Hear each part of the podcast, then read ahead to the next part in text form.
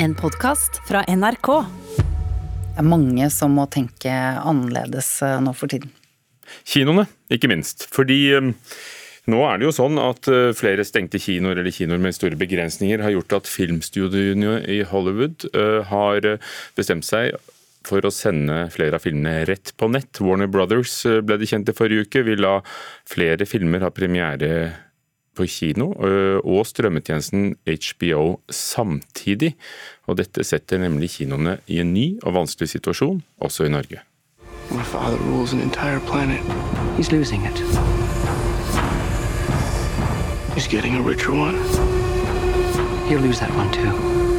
Tanken var at 2020 skulle gjøre science fiction-filmen Dune til en vaskeekte blockbuster, og at den skulle håve inn store kinoinntekter for produsenten Warner Brothers.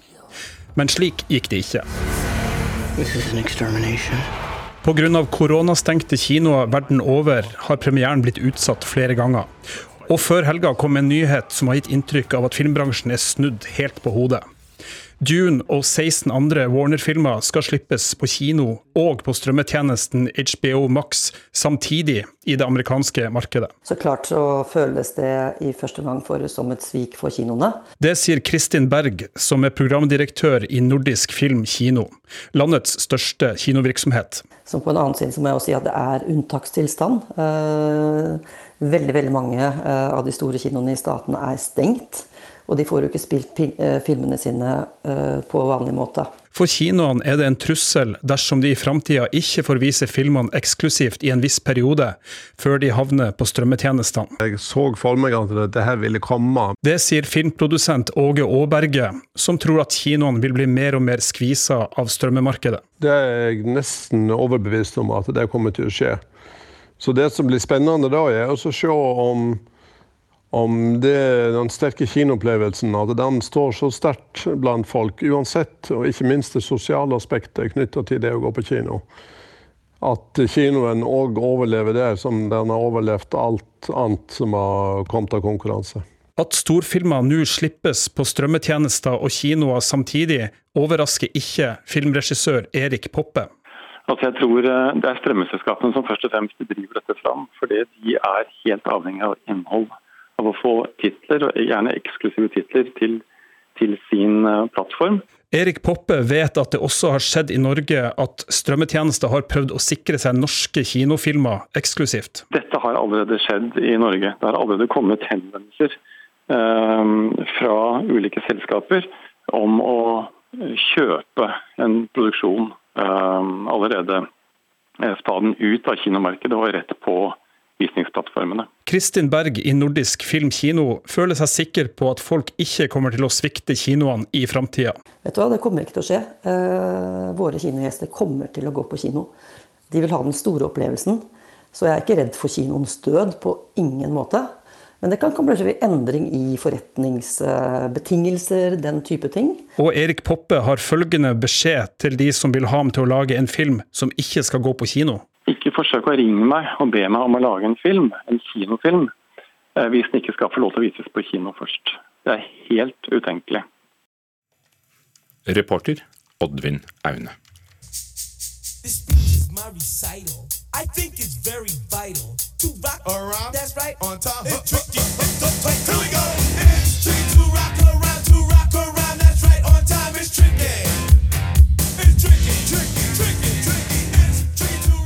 Run DMC med It's Tricky. Denne låta kan du kanskje høre under eh, de olympiske lekene i 2024, kulturreporter Aida Korami.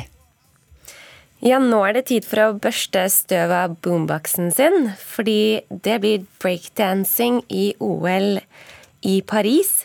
Den internasjonale olympiske komiteen har siden 2015 forsøkt å gjøre OL mer ungt og urbant for å få flere unge seere. Surfing, skateboarding og sportsklatring har også vært oppe til vurdering, og nå er det klart at breakdancing blir en gren, skriver The Guardian. Men breakdancing er jo ikke helt uh, nytt. Det ble helt populært på 70-tallet. Ja, det var en undergrunnskultur som kom til live på gaten i Bronx, New York, på 70-tallet. Selv om de fleste forbinder det med det glade 80-tallet, som vi hørte med Run DMC. Men Frankrike er det nest største hiphop-markedet i verden. Og hiphop vokser også veldig raskt i Kina. Um, OL skal jo være i Paris i Frankrike, og det kan være en av grunnene til at valget falt på nettopp breakdancing. Det, det har ikke kommet noen forklaring, altså? Nei, det er ikke helt kjent hvorfor. Eh, men eh, har det kommet da noen eh, reaksjoner? Ja, den australske squashspilleren Michelle Martin er skuffet over at breakdancing ble en gren før squash ble det. Kampen for å få squash inn i OL har gått over flere år. Selv tennisstjernen Roger Federer prøvde å få sporten inn i OL som ville vært da i år. Ifølge Martin er det en latterliggjøring av hva OL er. Takk, kulturreporter Aida Korami. Vi har våre tradisjoner når det nærmer seg nyttår. Og det er bl.a. å finne ut av hvilke bøker som var best i året som er gått. Og det har vi jo da litteraturkritikere til å, å se på. De fem kritikerne har valgt ut tre bøker hver. En av de kritikerne er deg, Marta Norheim. Ja. Og før du sier noe om dine tre bøker, kan du være så snill å si noe overordnet uh, om bokåret 2020? Ja, altså nå blir vel 2020 ikke først og fremst hogst pga. litteraturen, det er jo mange andre ting som har skjedd i år. Men når det er sagt, så er litteraturen i år helt uvanlig sterk. Én ting er at du har fått eh, dusinvis av bøker om korona, naturlig nok. Eh, begynte allerede på Eh, på, rundt sommerstider. Jeg syns den mest interessante der er 'Framtida er her nå' av Ivan Kristev. Den kom på norsk i august, og jeg syns den står seg enda, en liten pamflett. Men når det gjelder den norske skjønnlitteraturen, så har det vært eh, veldig mye bra. Eh, en ting er at de etablerte navnene, altså Vigdis Hjorth, Edvard Hoem, Lars Mytting, at de kommer med med skikkelig bra ting. Eh, men det som òg er påfallende, er at eh, det er et veldig sterkt debutantår. Altså, Det er alltid noen gode debutanter, eh, men i år er det veldig mange gode debutanter. Og Da kan jeg jo nevne navn som Ida Fjeldbråten, som også er nominert til P2-lytternes romanpris med romanen 'Jerv', og Per Marius Weidner Olsen, 'Jeg hadde en oppvekst nesten som min egen', som jo har blitt berømt av mange ulike grunner. Da må det ha vært vanskelig Martha Norheim, å velge seg tre, og bare tre bøker. Ja. Men hva det er vanskelig. en må skjære igjennom, som det heter. og jeg har valgt meg de tre eh, som kommer her. Beate Grimsrud, 'Jeg foreslår at vi våkner'. Lars Amund Våge, 'Det uferdige huset'. Og Kjersti Rorgemoen, 'Et praktisk menneske'. Og hva gjør at akkurat disse tre fortjener å stå på denne eksklusive, for det kan vi si at den er, listen din? Veldig eksklusiv liste. Jeg syns nok at eh, de alle tre har noe ekstra. Altså, Beate Grimsrud hun skriver en intens og gnistrende roman om ei kvinne som har kreft. Eh, og eh, få måneder etterpå så dør hun sjøl av eh, kreft. Hun insisterer også i romanen på at dette er en oppdikta bok, men det er klart hun bygger jo også på egne erfaringer. Fantastisk bok i Grimsruds ånd. Drømmer og fantasier og fabuleringer og sprø humor. Eh, så er det Lars Amund Våge. Han eh, skriver utrolig vakkert eh, både om ei tid, som er tidlig 1900-tall, da småfolk kunne plutselig begynne å velge noen alternativ til å bli på gården all sin dag. De kunne dra til Amerika, de kunne jobbe i industrien. Plutselig så var det mange valg for folk. Men han skriver også om hva det er som skal til for at Eh, et hus der folk bor, blir til en heim eller blir til et fellesskap, og da tangerer han jo også veldig aktuelle spørsmål. Og så har du Kjersti Rorgemoen, som har sin helt egen sprø humor. og skriver sånne romaner som er på ja, knapt 100 sider, der du har et skrått, eh, ikke ondskapsfullt, men veldig skarpt blikk på hvem vi er og alt det rare som vi gjør eh, fordi vi tror at det er sånn det skal være. Det er en egen egen Rorgemoen-stil, som jo selvsagt Rorgemoen sjøl er den aller beste i. Et praktisk menneske, altså. Et praktisk menneske. Denne listen er jo da hentet fra alle kritikerne våre. Kan du trekke frem noen av de, de andres også? Ja, eh, altså det er da 15 bøker eh, med fem kritikere som har, eh, har fått dette oppdraget. Og av andre bøker, da er det jo egentlig best at jeg drar fram det som jeg sjøl har lest. eh, og jeg syns jo at det er et par sterke navn her, og det er Jon Fosse, som eh, kommer med andre bok i det som han kaller for septologien.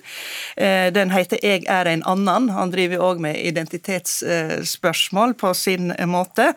Og så har du Edvard Hoem, som jo skriver en serie, en rekke med romaner om slektninger bakover i tida eh, på eh, Mørekysten. Så nå er han tilbake igjen i overgangen 1700-1800-tallet, og så langt tilbake har han vel aldri vært før. En slektning som både lager feler og går ifra Romsdal og til, eh, til Skåne for å ta båten over og bli med i napoleonskrigen. Så det er jo veldig eksotisk, men det er også veldig levende fortalt. Og da kan jeg jo kanskje føye til at ikke bare er det et sterkt eh, skjønnlitterært år, men det er også faktisk et veldig sterkt nynorsk år. Eh, Jeg tenkte på det da du nevnte ja, to nynorske forfattere ja, nå. Ja, eh, og, og, det er ikke av ren språkpatriotisme, men det er faktisk veldig mange sterke nynorske bøker i år. Kanskje heldig at akkurat i året hvor mange har hatt god tid til å lese, så kommer det så mange gode norske bøker. ja. Marta Norheim, takk skal du ha for din liste, og for at dette skal være lettfattelig og lett å få oversikt over, så finner du hele listen på nettsidene våre, nrk.no. Tenker dere på hvilken makt dere har når dere velger sånne lister? Hele tida. Da prinsesse Diana døde i en bilulykke for 23 år siden, eh, sørget mange over hele verden. I siste sesong av TV-serien Netflix, eh, i Netflix-serien The Crown er hun en av hovedpersonene. I tillegg til å være prinsesse, så var hun, og er fortsatt, en av verdens mest innflytelsesrike moteikoner. I hvert fall hvis du spør Ingeborg Heldal, redaktør i KK. Hun forteller om sin Diana-besettelse i den nye nyeste utgaven av podkasten Oppdatert fra NRK Nyheter. Jeg var jo veldig ung da eh, Charles møtte Diana, så, og det var jo på en tid hvor vi ikke hadde tilgang til f.eks. internett, så jeg måtte jo klare meg med Rikskringkastingen og diverse kulørt presse, så jeg husker ikke akkurat uh, hvor jeg så Diana første gang, men det kan nok ha vært i et av ukebladene til mamma, tenker jeg. Men det første jeg husker, var forlovelsesbildet. Hvor hun har på seg en hvit bluse og en slags blå, knallblå eh, cardigan. Og fra det øyeblikket så var jeg solgt. Uten at jeg visste det, så hadde jeg fått mitt første stilikon. Og jeg fikk et slags prinsessesjokk. Eh, fordi eh, Dianas inntreden i offentligheten og eh, delaktighet i det britiske kongehuset ga meg på en måte trua på Brøttum der jeg satt, da, eh, med store briller og, og nyklipt piggsveis, at alt er mulig. This is magnificent. I have never seen a train like this. Have you? I've never seen a royal wedding like this. Vi hadde gått bort til naboen på Brøttum. Det var da den 29. juli 1981. Eh, varm dag, og vi satt på gulvet altfor nære TV-en. Og mamma sa sånn hele tiden 'ikke sitt så tett oppi TV-en'. Men jeg må! Hvis jeg skal sitte tett oppi TV-en én gang i livet og bli firkanta i øya, så er det i dag. Og der satt vi og venta på at da kortesjen med Diana skulle komme, og hun skulle da åpenbare seg, og hvordan skulle kjolen se ut. Og det var jo eh, verdt ventetida. I ettertid så kan man sikkert diskutere hvordan eh, kjolen var utforma, men jeg husker når hun kom ut av bilen. Det var så mye Diana, så mye eh, silke og perler og slør, at jeg tror eh, omtrent hele verden fikk prinsesseanfall. Det sa altså Ingeborg Heldal, og det er nok mange som kan kjenne seg igjen i det hun fortalte. Hvis du vil høre mer om denne dramatiske og fascinerende historien om Diana, så finner du altså hele oppdaterte episoden på NRK radio, eller der du finner dine podkaster. Du har hørt en podkast fra NRK. Hør flere podkaster og din NRK-kanal i appen NRK Radio.